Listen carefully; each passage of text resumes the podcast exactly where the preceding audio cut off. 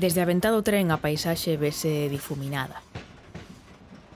Algúnha vez pensaches en baixar antes? Que haberá neses lugares intermedios?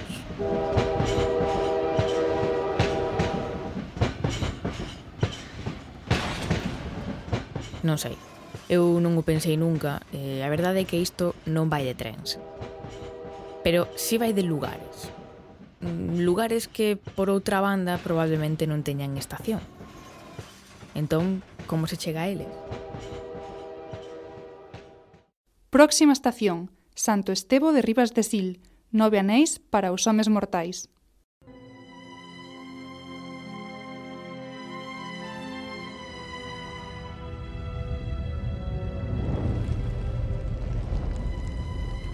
Began with the forging of the great rings. Three were given to the elves, immortal, wisest and fairest of all beings. Tres anéis para os reis elfos baixo ceo. Sete para os señores ananos en pazos de pedra. Nove para os homes mortais condenados a morrer.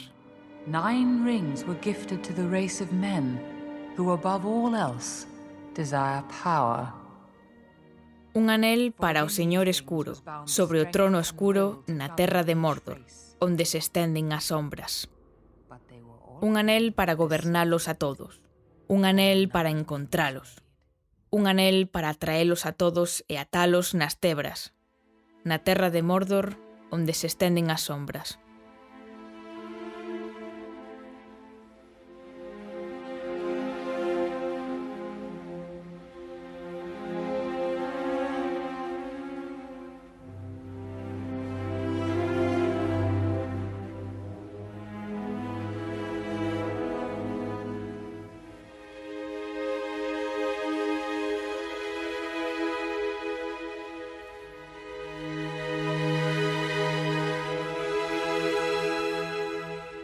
Sei o que estás pensando.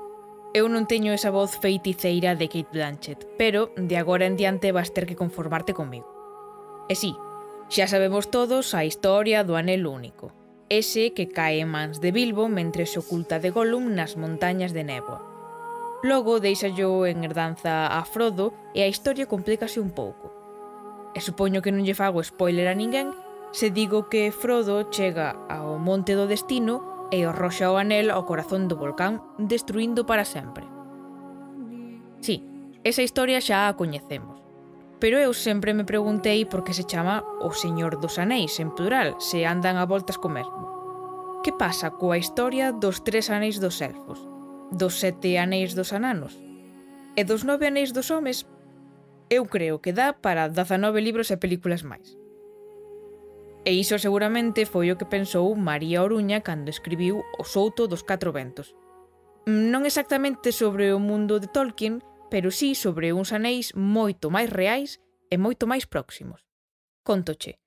O peso da historia, que non o da literatura, lévanos a unha comarca orensá no século X.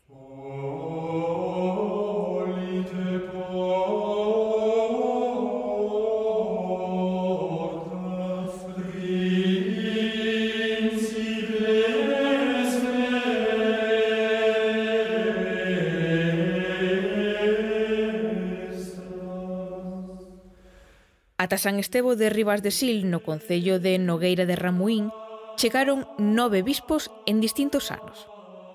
Teñen os nomes que poderías imaxinar duns bispos do século X. Osorio, Servando, Fruanlengo, Ansurio, Biliulfo, Bimarasio, Paio, Afonso e Pedro.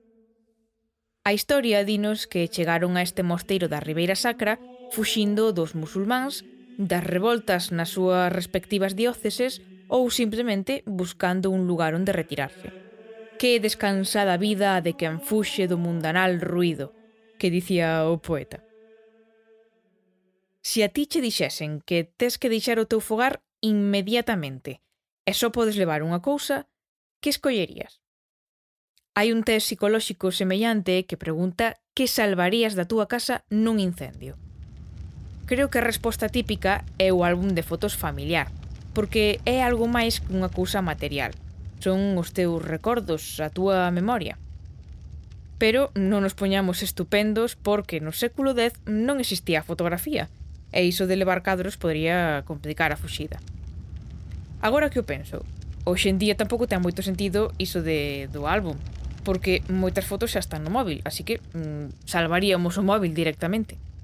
O caso, Supoño que xa o imaginas, pero a posesión máis prezada, coa que viaxaron os nosos bispos, era cada en seu Anel. Cambiaron a vida de luxo no bispado por unha máis humilde no mosteiro, pero sen renunciar ás súas ollas.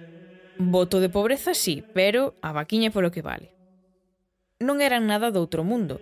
Imagina un anel que agora levaría calquera persoa non moi luxoso, pero naquel momento era símbolo do seu poder como representantes de Deus. Os anéis son tamén un obxecto máxico recorrente nas artes. Está Tolkien, por suposto, pero tamén J.K. Rowling introduce un anel en Harry Potter, como unha das tres reliquias da morte, a que contén a pedra filosofal. E non só na literatura. O compositor Richard Wagner aproveita a lenda nórdica do anel do Nibelungo para crear a súa famosa ópera.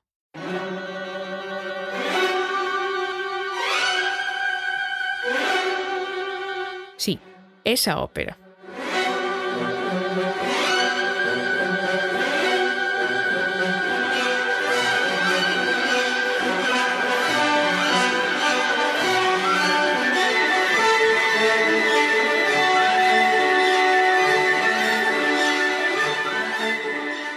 final, as lendas e a historia universal están cheas de semellanzas.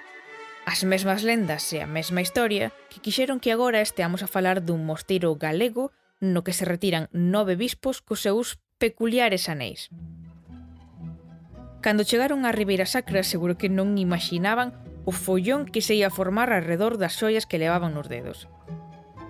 Como todas as lendas, mm, non se sabe moi ben como, pero comezou a correr o ruxe-ruxe de que os anéis eran milagreiros. Concretamente, que podían sandar os enfermos. Unha crenza que se mantivo séculos despois de morrer os bispos. O máis curioso disto é que, como vos monxes, eran moi desprendidos. Quen precisase dun milagre non tiña máis que pedir un anel e incluso o podía levar para a casa. Daquela xa estaba de moda a peregrinaxe a Compostela para visitar o apóstolo, pero seguro que máis dun peregrino facía unha escapadiña a Santo Estevo. Ao cabo, contemplar a tumba de Santiago está moi ben, pero un milagre por aquí e por alá, que se recuperara a vista, que se volver a andar, pois está moito mellor. Os visitantes e curiosos chegaron a ser tantos que tiveron que construir varios albergues e a vila medrou moito máis ao redor do mosteiro. Nogueira de Ramuín sería o noso xanxenxo da época, o destino turístico máis demandado. E como boa campaña de marketing, o mosteiro converteuse entón no símbolo dos nove bispos. Puxeronlle o seu nome ao claustro principal e actualizaron o escudo coas nove mitras dos protagonistas. Vamos, nada que envexar do Xacobeo.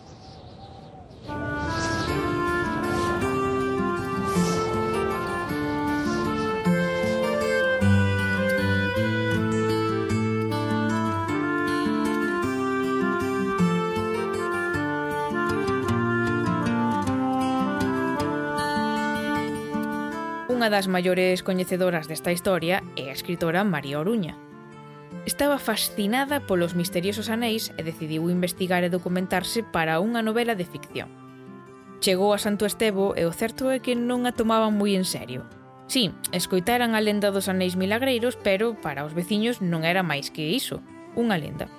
O caso é que escribiu o Souto dos Catro Ventos, primeiro en castelán e logo a súa traducción ao galego con bastante éxito.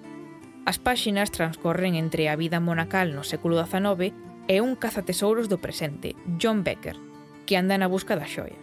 E o libro parecía revivir por un momento a historia dos anéis. E se fosen reais?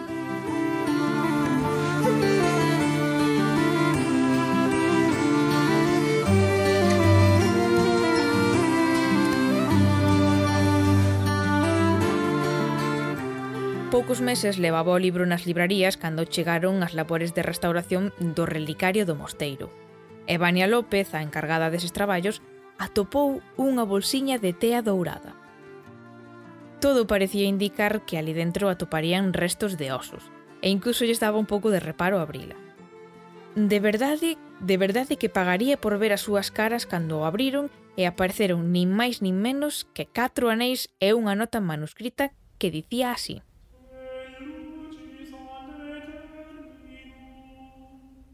Estes catro anéis son dos que quedaron dos nove santos bispos. Son os que quedaron. Os demais desapareceron. Por eles pásase auga para os enfermos e sandan moito.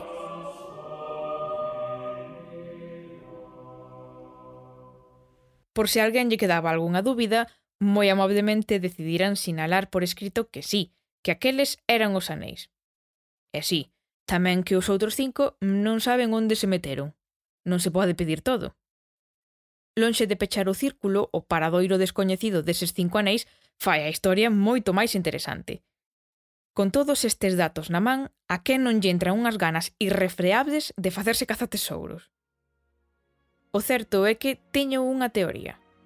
Se eses anéis se prestaban tan libremente aos que querían curar, seguro que máis dun decidiu gardalo por se acaso, que hoxe é un ollo e mañá unha perna, nunca se sabe. A tentación sempre é moi grande, e senón que lle digan a Bilbo Bolsón. Atopou un anel tirado por aí e quedou con el, alterando para sempre o destino da Terra Media. Aí o deixo.